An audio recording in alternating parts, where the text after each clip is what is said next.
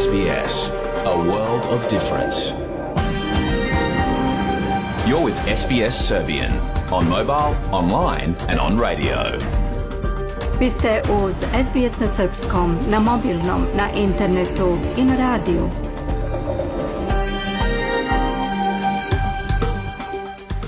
SBS odaje priznanje tradicionalnim vlasnicima zemlje sa koje danas emitujemo program na srpskom. Ovim izražavamo poštovanje prema narodu Ranger i Vojvurung, pripadnicima nacije Kulin i njihovim prošlim i sadašnjim starešinama. Takođe odajemo priznanje tradicionalnim vlasnicima zemlje iz svih aboriđinskih naroda i naroda sa ostrva iz Toresovog Moreuza, na čijoj zemlji slušate program. Dobar dan, danas je utorak 27. februar 2024. Ja sam Biljana Ristić. U današnjem programu posle pregleda vesti reći ćemo više o planu vlade da uloži 3 miliona dolara u suzbijanje nasilja nad ženama u etničkim zajednicama. Nešto manje od tri meseca ostalo je do stupanja na snagu zakona o rodnoj ravnopravnosti u Srbiji. Mija Nikolić opširnije o tome. Zamenik predsjednika vladajućeg pokreta Evropa Sad i predsjednik Crne Gore Jakov Milatović je podneo ostavku na sve funkcije u partiji, o čemu detaljnije javlja Milica Delibašić. U okviru zdravstvenih tema, povodom meseca podizanja svesti o raku jajnika, više detalja o tome šta je karcinom jajnika, kako se diagnostikuje i koje su mogućnosti lečenja. Takođe, federalna vlada se suočava sa sve glasnijim pozivima za borbu protiv problema kockanja, pošto neki analitičari smatraju da najnovija statistika pokazuje da postoji kriza javnog zdravlja među mladim ljudima koji se kockaju. Ostanite sa nama do 16 časova. Sledi pregled vesti.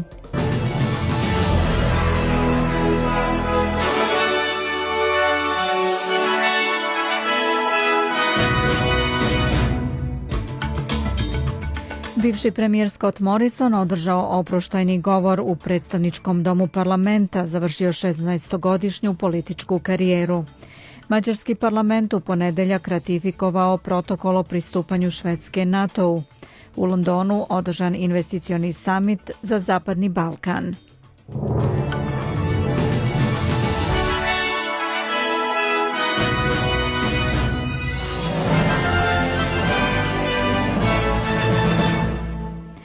Bivši premijer Scott Morrison održao je oproštajni govor u predstavničkom domu pre povlačenja iz federalnog parlamenta, čime završava 16-godišnju karijeru u parlamentu.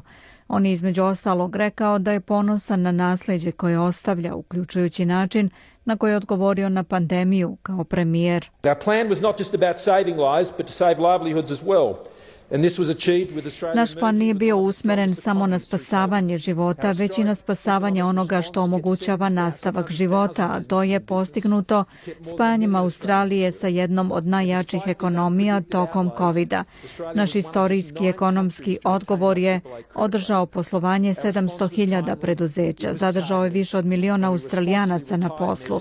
i uprkos ovim nepredviđenim izdacima, Australija je bila jedna od samo devet zemalja koje su zadržale kreditni rating na trostruko A. Naš odgovor je bio blagovremen, bio je ciljan i mi smo odgovorno preduzeli odgovarajuće mere čim je bilo mudro da to uradimo. On kaže da je upravljanje ekonomijom i dalje ključni izazov. Looking forward we must be careful not to reinstitutionalize our economy U budućnosti moramo biti oprezni da ne reinstitucionalizujemo našu ekonomiju. Takav pristup će samo poništiti kapacitete koje imamo kao nacija i ostavit će nas ranjivim pred novim pretnjama našem suverenitetu. Tokom mog boravka na ovom mestu, posebno kao premijer, videli smo kraj post-hladnoratovskog perioda globalizacije i pojavu nove ere strateške konkurencije u kojoj se naš globalni poredak zasnovan na pravilima dovodi u pitanje novom osovinom autokratije Pyongyang, Peking, Teheran i Moskva. Rekao je Morrison koji je još u januaru najavio da će se u februaru povući iz politike radi posla u korporativnom sektoru. Premijer Anthony Albanizi također je bio prisutan tokom Morrisonovog oproštajnog govora. Federalna politička koalicija stala je u odbranu svoje podrške upotrebe nuklearne energije u Australiji nakon što je rudarski magnat Andrew Twiggy Forrest u govoru u nacionalnom pres klubu juče opisao nuklearnu energetsku poziciju kao buldast, Osnivač kompanije Fortescue Mining je pozvao na uvođenje nameta kompanijama na fosilna goriva i kaže da je laboristička vlada u opasnosti da propusti svoj cilj smanjenja emisija do 43 od 100 do 2030. Koalicija tek treba da definiše svoju energetsku politiku, ali se očekuje da će ponovo otvoriti debatu o upotrebi nuklearne energije u Australiji.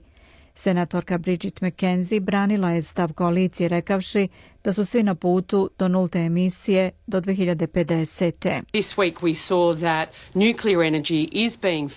Ove nedelje smo videli da nuklearnu energiju favorizuju posebno mladi ljudi.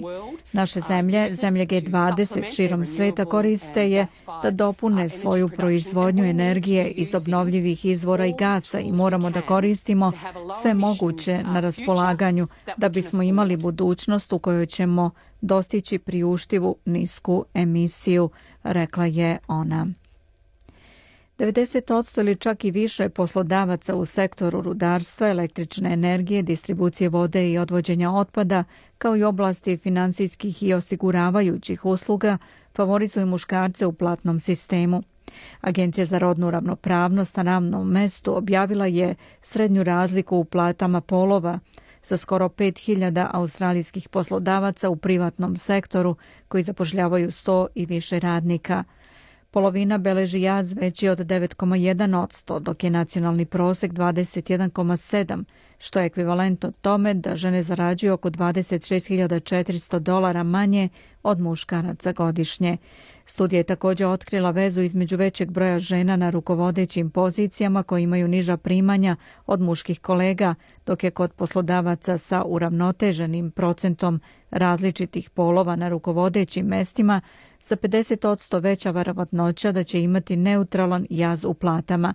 Federalna senatorka i asistent ministra za rad Malandiri McCarthy rekla je za Kanal 9 da izveštaj donosi preku potrebnu transparentnost o tome koliko žene mogu i koliko treba da zarađuju. Uh, žene širom zemlje i poslodavci uopšte moći će da prate napredak i mislim da ovo jeste put kojim idemo kao nacija, borba da žene dobiju poštovanje na radnom mestu, ali svakako i to da se oseti na njihovoj plati. Osiguravajuća kompanija Suncorp je okrivila značajne troškove reosiguranja, prirodne katastrofe i tekuće inflatorne pritiske za veće potrošačke cene. Kompanija je ostvarila polugodišnji profit od 582 miliona dolara uz povećanje premije osiguranja od 16,3 od 100. Taj rezultat je u velikoj meri u skladu sa čitanjem indeksa potrošačkih cena za decembar koji ističe najveći godišnji porast premija osiguranja od 2001. Izvršni direktor Steve Johnson je priznao da je pristupačnost kupcima i dalje pod pritiskom, ali kaže da će nastaviti da postiče rast premija do kraja godine. Our pricing will be reflective of what we're seeing in terms of, of input costs. Naše cene će održavati ono što vidimo u smislu ulaznih troškova i mi ćemo ih veoma pažljivo pratiti, rekao je on. Izgleda da će Kina ukinuti sankcije na australijsko vino u vrednosti od milijardu dolara. Federalni ministar trgovine Don Farrell sastao se sa svojim kineskim kolegom Wang Wentaom na marginama ministarske konferencije Svetske trgovinske organizacije u Abu Dhabiju. Peking je saopštio da preispituje zabranu trgovine u okviru petomesečnog procesa nakon što je Kambera pristala da suspenduje spor koji je podnet pred Svetskom trgovinskom organizacijom do 31. marta. Kina je uvela sankcije u vrednosti od 20 milijardi dolara 2020. nakon što je tadašnja koaliciona vlada pozvala na nezavisnu istragu o ulozi Kine u pandemiji COVID-19.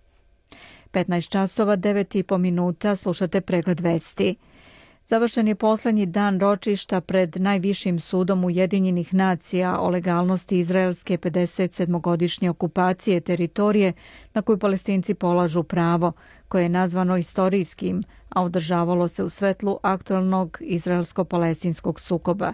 Pred sudom su predstavljena saopštenja Turske i Arapske lige, a Izrael nije bio prisutan na ročištu uz objašnjenje da ono što je predstavljeno sudu je na temelju predrasuda i ignoriše njihovo pravo i dužnost da zaštite svoje građane. Ali zamenik turskog ministra spoljnih poslova Ahmed Yildiz kaže da je okupacija i neuspeh da se krene ka rešenju sa dve države prava prepreka miru u regionu.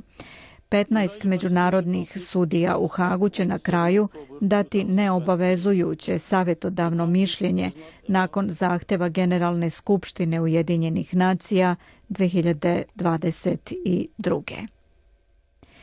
Mađarski parlament je u ponedeljak ratifikovao protokol o pristupanju Švedske NATO, čime je okončano odlaganje pristupanja te zemlje alijansi koje je trajalo više od godinu i po. Za članstvo Švedske glasalo je 188 poslanika, dok je šest bilo protiv. Za prijem novih članica neophodna je jednoglasna podrška u NATO-u, a Mađarska je bila posljednja od 31 članice koja je ratifikovala protokol nakon što je to Turska uradila prošlog meseca. Orban, desničarski populista koji ima bliske odnose sa Rusijom, prethodno je naveo da su kritike koje su švedski političari upućivali na račun mađarske demokratije pogoršali odnose dve zemlje i izazvali oklevanje među poslanicima njegove stranke Fides. Generalni sekretar Zapadne vojne alijanse Jens Stoltenberg pozdravio odluku mađarskog parlamenta. Kaže da glasanje dokazuje da Putin nije uspeo da zatvori vrata NATO-a, ali kaže da trupe NATO-a neće biti raspoređene u Ukrajini. This is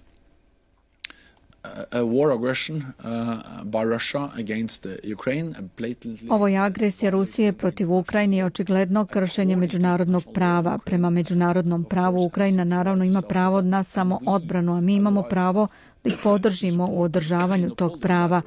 To je upravo ono što NATO saveznici rade i što će nastaviti da rade, rekao je on. U Londonu je održan investicioni summit za Zapadni Balkan. Domaćin je bila Evropska banka za obnovu i razvoj, a gosti su bili lideri Zapadnog Balkana koji su predstavljali mogućnosti koje nude potencijalnim investitorima. Premijerka Ana Brnabić poručila je da se Srbija značajno promenila u protekloj deceniji i predstavila plan za razvoj do 2027. i neke od projekata koji će biti završeni pre izložbe Expo 2027. Korišćenje stranih fondova nije bezuslovno, čulo se na samitu. Potrebne su, kažu, reforme koje zavise isključivo od regionalnih vlada. To je poručila Odil Reno Baso, predsjednica Evropske banke za obnovu i razvoj, prenosi radio televizija Srbije. Region je mnogo odmakao, ali i dalje postoji veliki jaz u odnosu na Evropsku uniju. Prema istraživanju EBRD-a potrebno je 40 do 70 godina da se jaz nadoknadi. Radimo sve što možemo da omogućimo više ulaganja u region. Zelena tranzicija i energetska efikasnost su prioritet ako region želi da drži korak s ambicijama koje je zacrtala Evropska unija.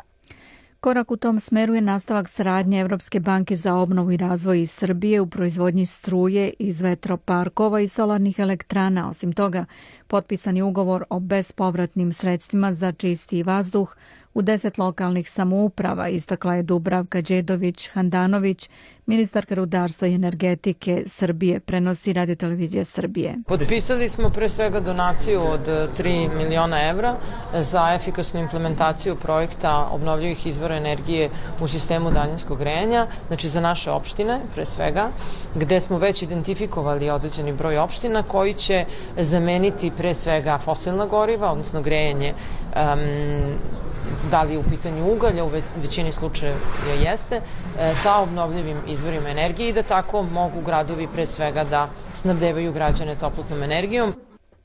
U važne oblasti saradnje premijerka Brnabić ubraja i kredit od 80 miliona evra za naučno-tehnološke parkove i bio četiri kampus. Veliki fokus za nas i to posebno gura predsednik Republike Srbije Aleksandar Vučić, to je na regionalne i lokalne puteve. To nije nešto što finansira Evropska banka za obnovu i razvoj, ali to je nešto što je nama izuzetno važno za dalji ravnomerni regionalni razvoj i to je nešto o čemu razgovaramo.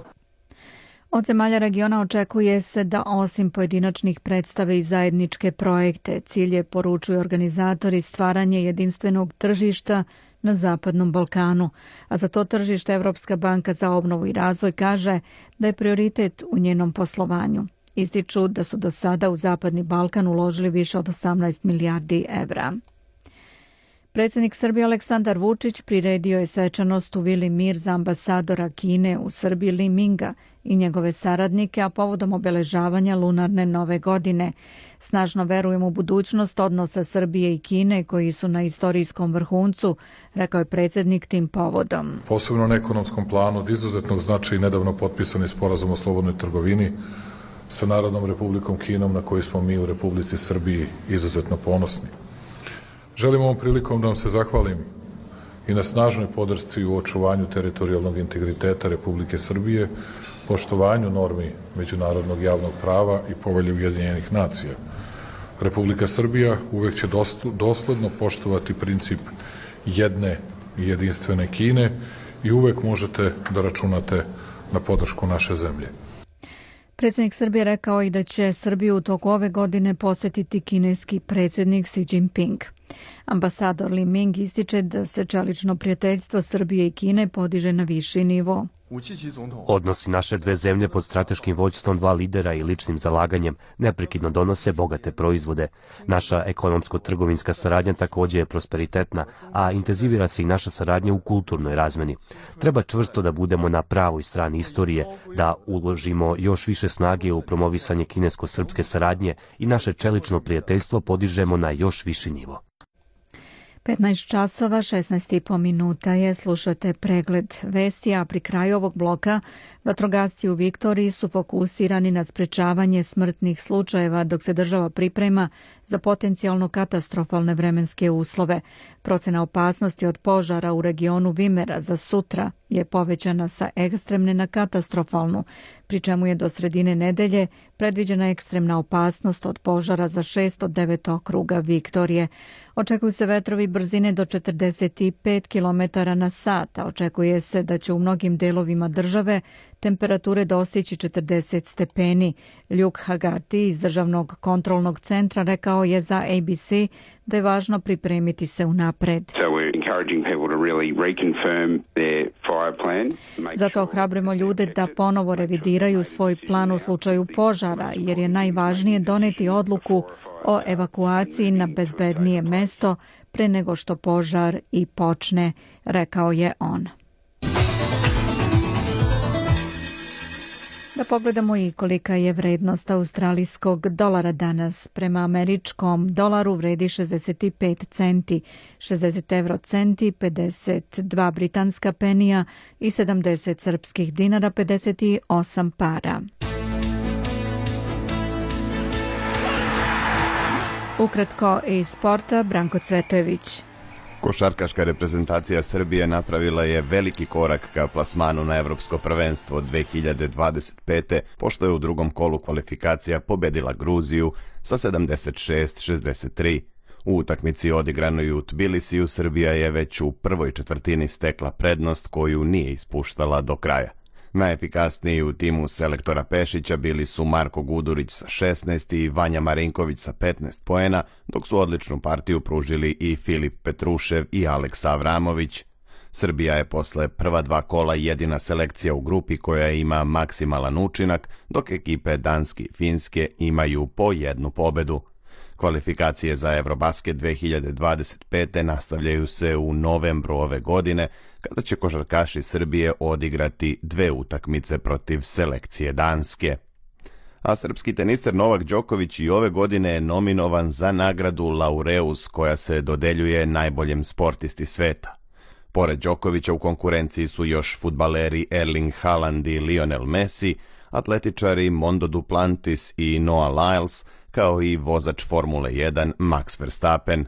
Novak je do sada četiri puta dobijao ovu prestižnu nagradu i samo jedno priznanje ga deli da se izjednači sa Rogerom Federerom, koji je tokom karijere pet puta poneo Laureusov trofej. Prema propozicijama dobitnika će glasanjem odrediti 69 članova Svetske sportske akademije Laureus, koju inače čine olimpijski šampioni, svetski rekorderi i drugi uspešni sportisti. Prošle godine priznanje je pripalo argentinskom futbalskom asu Leo Messiju.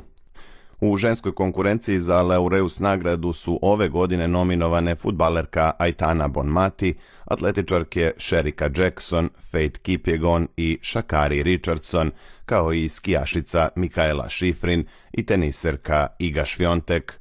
Laureus nagrade biće dodeljene na svečanosti 22. aprila. I na kraju pregleda vesti da pogledamo i vremensku prognozu po većim gradovima Australije.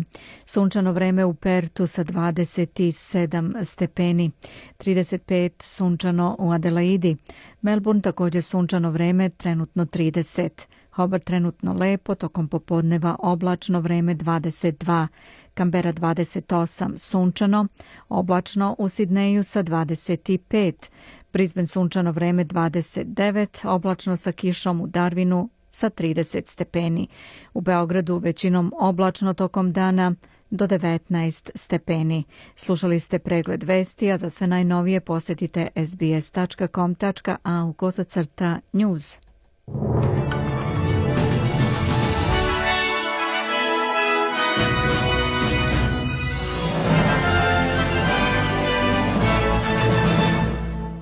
15 časova 23 minuta, slušate SBS na srpskom, ja sam Biljana Ristić.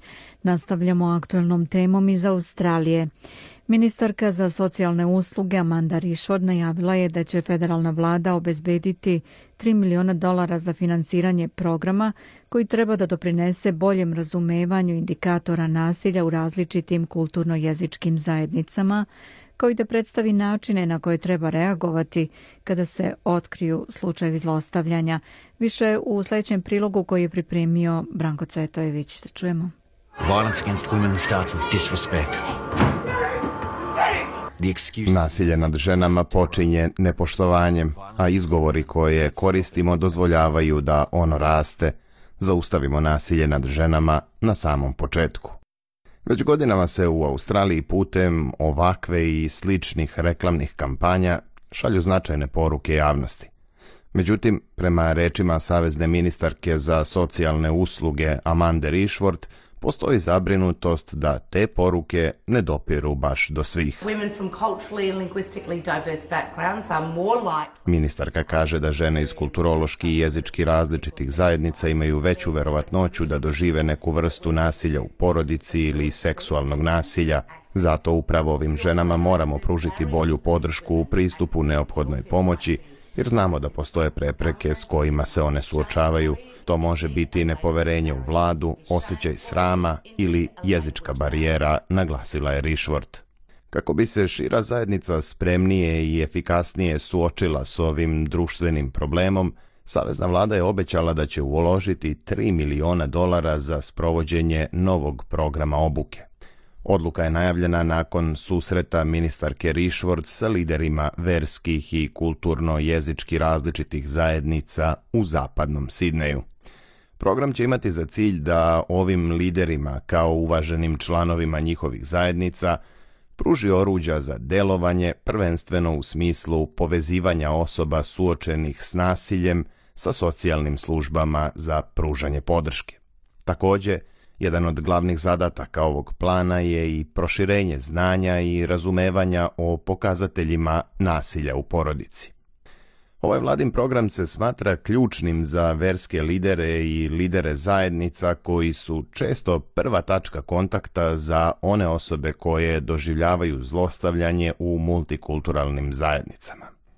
Među učesnicima sastanka sa ministarkom bio je i Vitijadaran Sarma, sekretar Hindu hrama Sri Karpaga Vinajagar.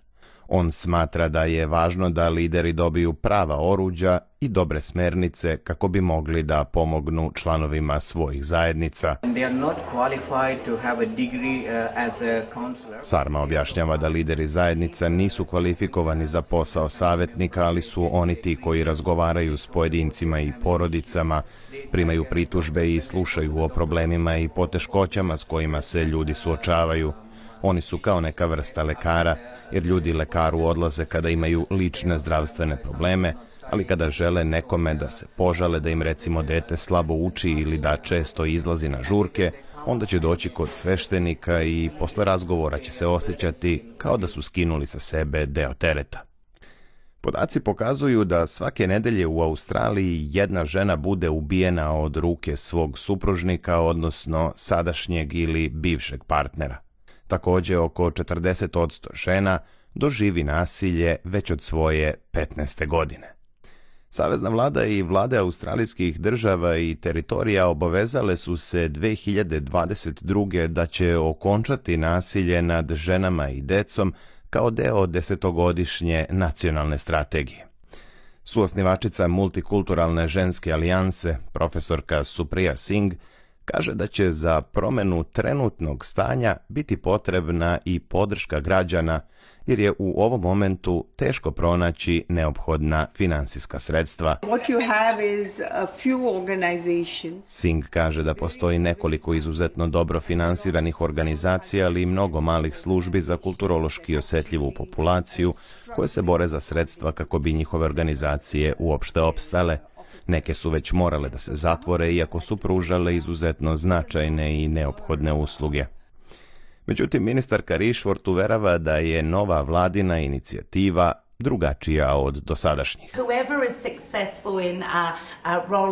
Oni koji žele da budu uspešni u sprovođenju ove obuke morat će da pokažu sposobnost da rade sa lokalnim organizacijama na terenu i da imaju mrežu ljudi do kojih treba da dođemo. Naravno, želimo da dopremo do verskih vođa i lidera zajednice kod kojih toliko ljudi odlazi po savet ili utehu, zato je partnerstvo s organizacijama unutar zajednice veoma važno, kaže Amanda Rishworth. Istovremeno, dr. Singh iz Multikulturalne ženske alijanse poziva da se obezbede stalna, a ne samo povremena ulaganja kako bi se rešila jedna od najvećih društvenih kriza u zemlji. You know, healing takes a long time.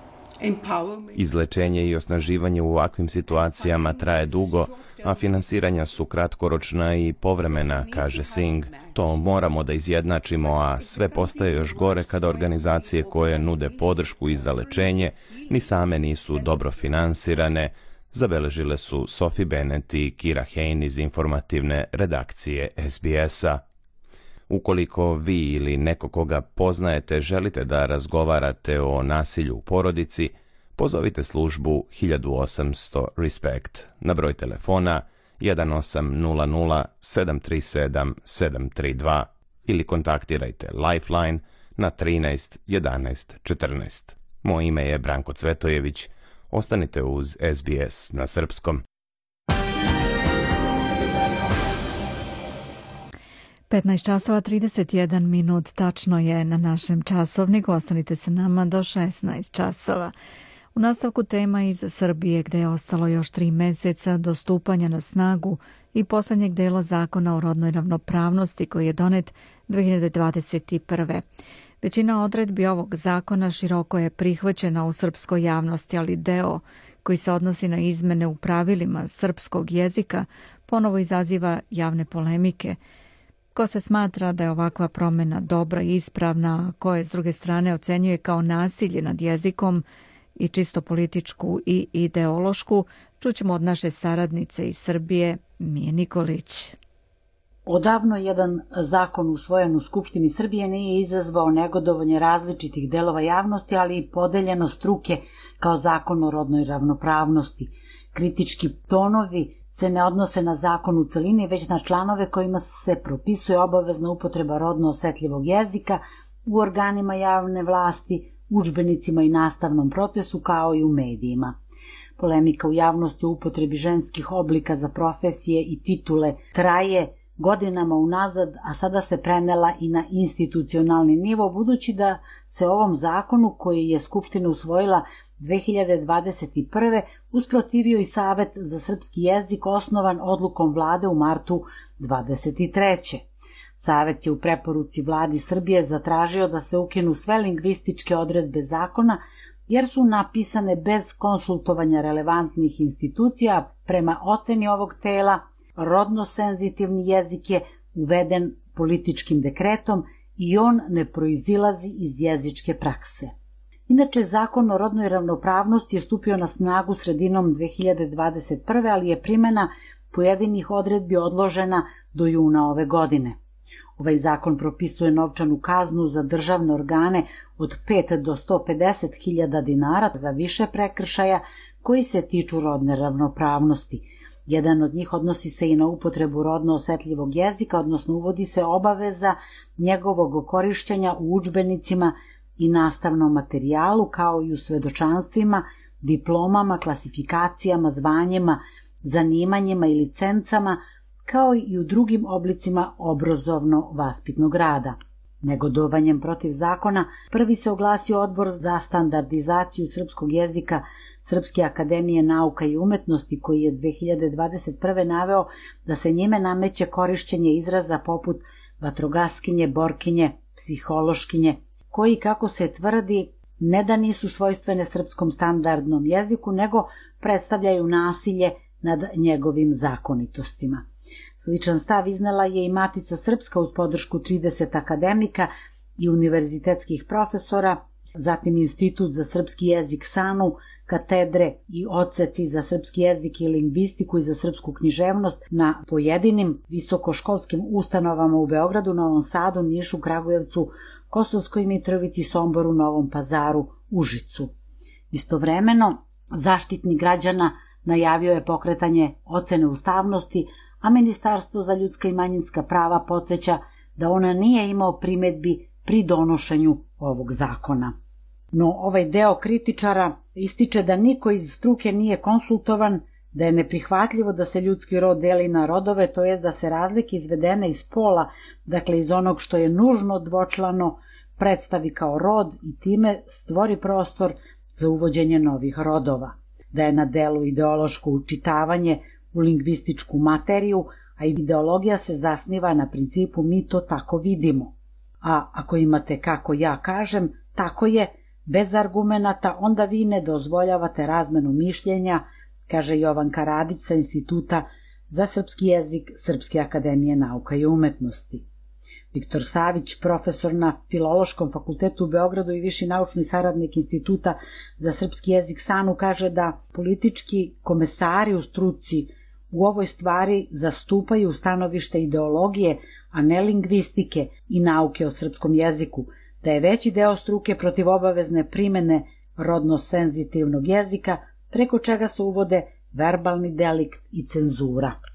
Vidimo ekstremna shvatanja koja ideologija zahteva od svih. Imamo sužavanje ili isključivanje već postojećih prava kojima raspolaže čitava jedna nacija u pogledu upotrebe jezika – Nameće se da svim osobama ženskog pola, znači onima koje to ne žele u diplomi mora da piše doktorica ili doktorka, inženjerka, arhitektkinja ili arhitektica. Izvinite gde je tu sloboda, gde je demokratski izbor, ostala je samo prisila, stvara se u stvari netolerancija, kaže profesor Savić. Protiv rodno osetljivog jezika su i desničari, a ustala je protiv njega i Srpska pravoslavna crkva. Patrijarh Porfirije je zatražio da se ukine nasilje nad srpskim jezikom, da se ukinu lingvističke odredbe protiv ustavnog zakona iza koga se, kako je naveo, krije borba protiv braka i porodice. Profesorka Dubravka Valić-Nedeljković, lingvista, to jest lingvistkinja, kaže da rodno osetljiv jezik omogućava da svaki rod izrazi svoju profesiju u odgovarajućem obliku.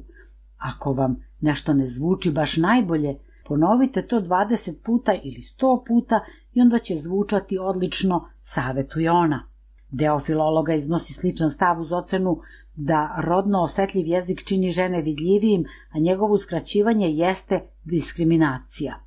Boban Arsenijević, profesor lingvistike na Univerzitetu u Gracu, smatra pak da zakonom ne treba propisivati pravila i kazne za upotrebu jezika jer je jezik živ i prilagodljiv organizam, no ističe i da upotreba rodno osetljivog jezika ne može mnogo uticati na ravnopravnost žena i muškaraca u društvu. Neravnopravnost žena se ne sastoji u manjoj vidljivosti kroz jezik, već mnogo jače u vrednostnim predstavama, kaže on. Dodaje da je rodnu ravnopravnost potrebno promovisati na mnogo širem planu da bi imala efekata. Ako društvo nije spremno da iznese sprovođenje nekog zakona, ono neće živeti, osim simbolično, a spremnost se postiže promenom sistema i sadržaja obrazovanja, promenom kulturnih sadržaja i kulturnog ambijenta, kulturne politike, smatra on. Jezik treba da bude odraz društva, kaže profesor Kavalić Nedeljković i navodi da su se žene ranije redko bavile važnim društvenim profesijama, pa gotovo da uopšte nije bilo filozofkinja, sudinica ili biološkinja. No kako se društvo razvija, tako je i prirodno da se sve profesije koje žene obavljaju koriste u ženskom rodu, izričita je ona uz ocenu da naš jezik ima potencijal za te promene. S druge strane, predstavnici određenih naučnih krugova su čvrsto na stanovištu da korišćenje ženskih oblika kao što su pilotkinja, biotehnološkinja, diskutantkinja nije u skladu sa jezičkom normom. Ako neko ima dilemu, najbolje je pitati filologa ili filološkinju, lingvistu ili lingvistkinju, osim ako se neko ne vređa poput bivše ministarke za evropske integracije Jadranke Joksimović, koja je naglašavala da je ona ministar, a ne Nušićev lik, ili pak Jorgovanke Tabaković, koja insistira da je ona guverner, a ne guvernerka Narodne banke Srbije.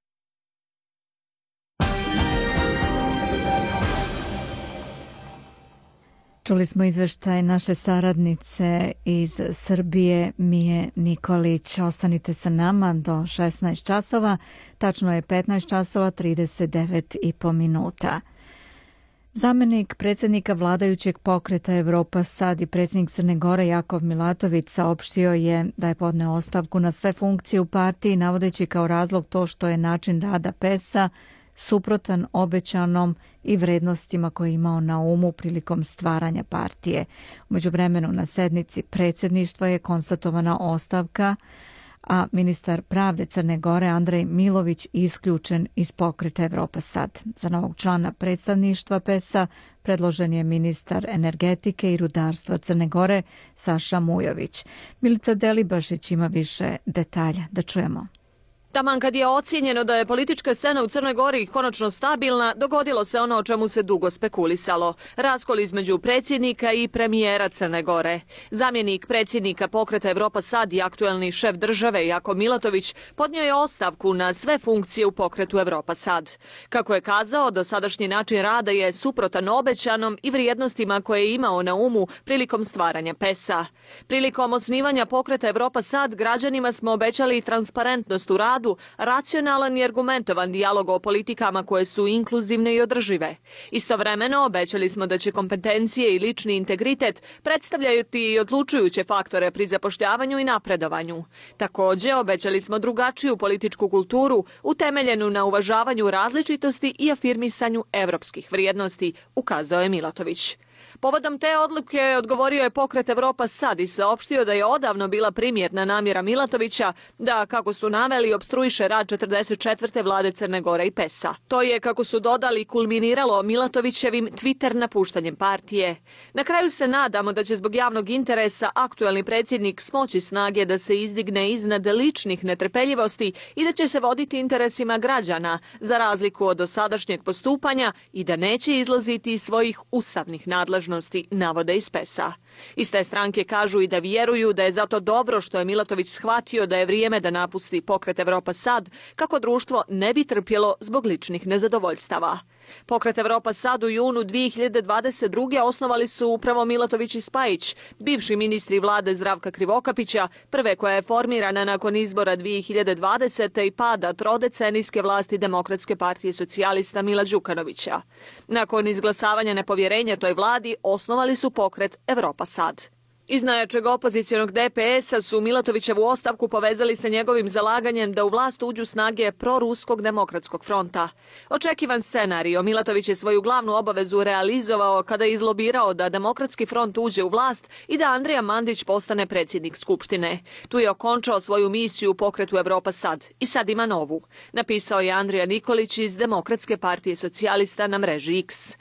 Već godinu traju razmirice između dvojice čelnih ljudi PES-a, pa analitičari smatraju da je ovakav raspad očekivan. Za sada nije poznato da li će Milatović osnovati sobstvenu stranku. Analitičari procjenjuju da bi se kriza u PES-u mogla negativno odraziti na stabilnost vlade i izazvati skoru rekonstrukciju. No Milatovićeva ostavka nije jedina novina u Spajićevoj partiji. Iako je tvrdio da je politička kičma premijera Spajića, aktualni ministar pravde Crne Gore i član predsjedništva pokreta Evropa Sad Andrej Milović isključen je u nedjelju iz PES-a. Milovićeva pozicija u vladi ostaje otvorena u oči njene planirane rekonstrukcije, navode u saopštenju. Do sada nijesu navedeni razlozi isključenja Milovića koji u posljednje vrijeme u žiži javnosti zbog odbijanja da Tursko izruči njenog državljanina Binalija Čamgoza, optuženog u toj zemlji za više teških krivičnih dijela. Milović je tu odluku donio bez konsultacija sa Spajićem. Za novog člana predsjedništva PES-a predloženi ministar energetike i rudarstva Saša Mujović. Iz vrha PES-a su vijestima kazali da je u pitanju malo kućno spremanje. Iz Podgorice za SBS na Srpskom, Milica Delibašić. Vi ste uz SBS na Srpskom. Slušate SBS na Srpskom. Ja sam Biljana Ristić. Ostanite sa nama do 16 časova. Slede zdravstvene teme. Federalna vlada se suočava sa sve glasnijim pozivima za borbu protiv problema kockanja. Nova statistika o broju australijanaca koji se samo isključuju iz kockanja podstakla je na upozorenja na krizu javnog zdravlja. I wasn't aware of it. I hadn't um, been educated around it. And like many Australians, Majka šestro dece iz Kambere, Kate Seselja, kaže da je kockanje dominiralo njenim životom tokom 40 godina. Nisam bila svesna toga, nisam se dovoljno obrazovala o kockanju i kao i mnoge Australijance to me je zaslepelo na način koji je duboko uticao na moje poimanje same sebe. Uticao je na moje blagostanje, moje samopoštovanje. U Australiji smo bili preplavljeni ogromnom količinom reklama koje normalizuju ovu aktivnost, koja je zapravo štetna i dizajnirana da stvara zavisnost. Ova reklama ide ruku pod ruku sa obsesijom Australijanaca sportom. Online klađenje bivalo je sve popularnije posljednjih godina, a sada se više od 18.000 australijanaca upisalo u nacionalni registar samo isključenja pod nazivom Bet Stop. Velika većina njih je mlađa od 40 godina. Ministarka za socijalne usluge Amanda Rishford kaže da je sjajno vidjeti veliki uticaj i korišćenje Bet Stopa i da je to dopunjeno obaveznom preverifikacijom koja pomaže da se osigura da ljudi ne pronalaze za obilazna rešenja za klađenje. Uprkos tome što je registar široko prihvaćen, profesorka sa Univerziteta Deakin Samantha Thomas kaže da podaci pokazuju zabrinjavajući trend. Zabrinjavajuća stvar u vezi sa brojkama koje smo danas videli nije samo broj ljudi koji se samo isključuje, već i procenat onih koji su mlađe odrasle osobe. Ovo pokazuje da mi zapravo imamo krizu javnog zdravlja među našim mladim ljudima i da vlada treba da učini više da ih zaštiti. Također znamo da ovi proizvodi mogu izazvati ogromnu štetu. Stvarno preduzimanje akcije od strane vlade i postavljanje značajnih ograničenja na marketing i oglašavanje, pa čak i potpunu zabranu, to je ono što stručnjaci za javno zdravlje, zajednica i što je najvažnije, sami mladi ljudi prepoznaju kao nešto što treba da uradimo da sprečimo štetu od takvih dešavanja. Štetu zavisnosti od kockanja osjetile su i multikulturalne zajednice. Anne Bui je vođa tima za savjetovanje u Udruženju australijskih vjetnamskih žena. Ona dve godine radi sa ljudima koji doživljavaju štetu od kockanja i kaže da je ta šteta širokog spektra. So the gambling harms is usually associated with financial harms. Šteta od kockanja povezana je sa financijskim štetama što je najuobičajenije među ljudima. Obično se ne radi samo o financijama, već više o međusobnim odnosima, mentalnom zdravlju, blagostanju, a takođe i porodična pitanja bih istakla iz mog iskustva. Kevin Chan iz kineskog programa Peer Connection takođe je primetio novi trend u svojoj zajednici. I'm seeing more uh, younger generations. Um, Vidim više mlađih generacija, ljudi koji studiraju u srednjoj školi, čak međunarodnih studenta koji koriste kockanje, online kockanje, kao kapiju za susret sa prijateljima, za druženje, za povezivanje sa vršnjacima. Profesorka Thomas se slaže sa time da bi ljudi različitog porekla takođe mogli biti u opasnosti.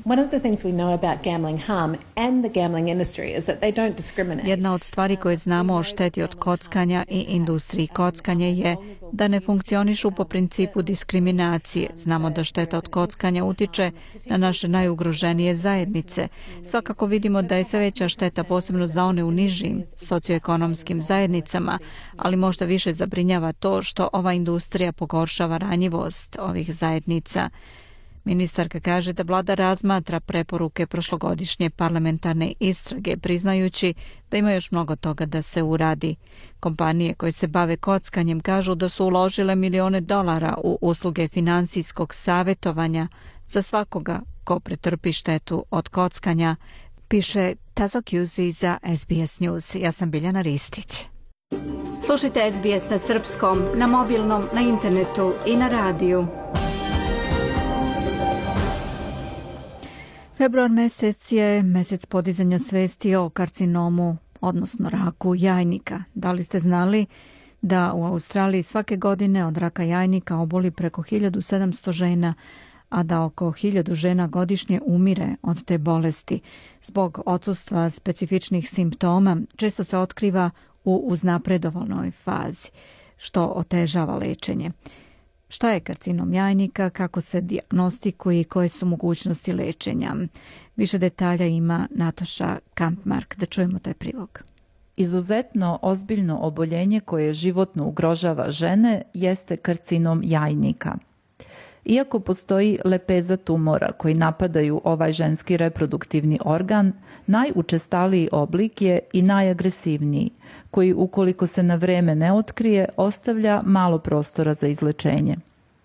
Karcinom jajnika ili ovarijuma je osmi po učestalosti maligni tumor kod žena u svetu, kažu podaci Svetskog zavoda za istraživanje raka. Od njega je u 2020. godini obolelo preko 300.000 žena u svetu, a prema stopi obolelih Srbija zauzima nezavidno peto mesto u svetu. U Australiji, prema podacima vladine organizacije Cancer Australia, svake godine od raka jajnika oboli preko 1700 žena, a oko 1000 žena godišnje izgubi bitku sa tom podmuklom bolešću. Doktorka Amy Wilson sa doktoratom iz biologije kancera ovarijuma radi u Zavodu za istraživanje raka i ona u razgovoru sa koleginicom Mirnom Primorac objašnjava šta je karcinom jajnika. Ovarian cancer is actually an umbrella term for a collection of diseases Rak jajnika je zapravo opšti pojam kojim se označava grupa bolesti čije se žarište nalazi u jajnicima, jajovodima ili trbušnoj maramici. Rak jajnika se može proširiti s primarnog mesta na okolne organe i nastaviti da raste. Postoji više od 30 različitih podvrsta raka jajnika, a svaki od njih ima nešto drugačije karakteristike, zbog čega se ova bolest teško leči. Iako je mali procenat slučajeva izazvan naslednom genetskom mutacijom, većina slučajeva raka jajnika nema jasno utvrđen uzrok. Zato je svaka žena izložena riziku od karcinoma jajnika, ističe doktorka Wilson. Tumor jajnika jeste i najsmrtonosniji ginekološki kancer, a visokoj stopi smrtnosti doprinosi i to što se simptomi javljaju tek kada je bolest uznapredovala. Simptomi su nespecifični, kako za RTS opisuje doktorka Marijana Milović-Kovačević iz Instituta za onkologiju i radiologiju Srbije. U ranim fazama, prvom i drugom stadijumu, kada možemo reći da karcinom jajnika može biti izlečiv, apsolutno nemate vrlo često ni jedan simptom. Simptomi kreću onda kada su veća tumorska promjena u maloj kalici, kada pritiska okolne organe i onda imamo te takozvane nespecifične simptome, probavne smetnje, osjećaj brze sitosti, urinarne smetnje, naduto stomaka zbog slobodne tečnosti koja se nakuplja. Rak jajnika je jedna od najpodmuklijih bolesti, jer upravo zbog nejasnih simptoma žene često odlažu odlazak kod lekara. Stručnjaci zato savjetuju da se žene obavezno obrate izabranom lekaru opšte prakse ukoliko simptomi ne prestaju. Rutinski screening za tumor jajnika ne postoji, a doktorka Wilson objašnjava postupak diagnostifikovanja. If the doctor is intuitive enough, they will give you what's called a CA125 test. Ako lekar posumnja na rak, može vas uputiti na merenje tumorskog markera CA125. Važno je reći da ovaj test ne služi kao definitivna dijagnoza raka jajnika, ali njegove povišene vrednosti ukazuju na postojanje nekog procesa u organizmu i lekar vas može poslati na ultrazvuk kako bi se videlo da li postoje neke izrasline. Međutim, konačna dijagnoza karcinoma jajnika može se ustanoviti isključivo hiruškim pristupom, to jest biopsijom, uzimanjem uzorka tkiva i njegovim ispitivanjem pod mikroskopom od strane patologa, ističe doktorka Wilson, koja kaže i da je nakon uspostavljanja dijagnoze važno otvoreno razgovarati sa lekarom i informisati se o najnovijim terapijama i tehnologijama, jer istraživači u Australiji i u svetu rade na metodama ranog otkrivanja i mogućnostima lečenja. Istraživački tim u Melbourneu razvio je jednostavan test krvi koji omogućava uspostavljanje dijagnoze bez hiruškog zahvata. Testom se u krvi otkriva prisustvo belančevina koje indikuju karcinom jajnika. Dr. Andrew Stevens iz Hudsonovog instituta za medicinska istraživanja za Seven News kaže da je test napravljen tako da otkriva rak u ranoj fazi i da se njime može utvrditi da li je tumor zloćudan ili ne. Da bi test ušao u upotrebu, čeka se na odobrenje regulativnih tela. Osnovni vid lečenja karcinoma jajnika je operativno lečenje, kojim se nastoji ukloniti kancerom zahvaćeno tkivo. Ukoliko se rak proširio, propisuje se i hemioterapija. The government added, um, a test. Doktorka Wilson kaže da je vlada nedavno u listu subvencionisanih lekova uvrstila i novi test zvani HRD, kao i nove ciljane lekove iz grupe PARP inhibitora. Sada svaka žena kojoj je dijagnostifikovan rak jajnika može da uradi test koji pokazuje kako će pacijentkinja reagovati na ciljanu terapiju. Ako se testom ustanovi da će ciljana terapija delovati, pacijentkinji će se propisati ciljana terapija kojom se održava stanje i suzbija rast tumora, kaže doktorka Wilson. Činjenice i statistika u vezi sa rakom jajnika su sumorni. Procenat žena koje prežive pet godina nakon uspostavljanja dijagnoze raka jajnika iznosi svega 49, u poređenju sa 92% žena koje prežive rak dojke. Rak jajnika se u 80% slučajeva vraća i tada postaje rezistentan na prethodnu terapiju. Zbog toga stručnjaci savjetuju redovne ginekološke kontrole, minimalno jedan put godišnje, a ukoliko se pojave neki od pomenutih nespecifičnih simptoma, obavezno na pregled treba otići i ranije, jer upravo rana dijagnostika može sačuvati život. Važno je i podizanje svesti o raku jajnika. I doktorka Wilson savjetuje da se treba informisati o simptomima i činjenicama i da treba razgovarati o ženskom zdravlju.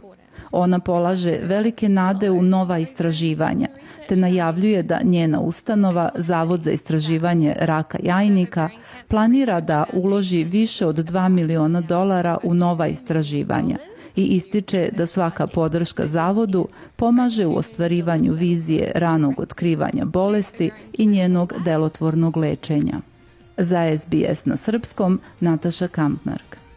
A sa vama danas bila Biljana Ristić. Sljedeća emisija na srpskom u četvrtak u 15 časova. Želim vam prijatan ostatak ovog utorka 27. februara. Doviđenja i do slušanja. Želite da čujete još priča poput ove?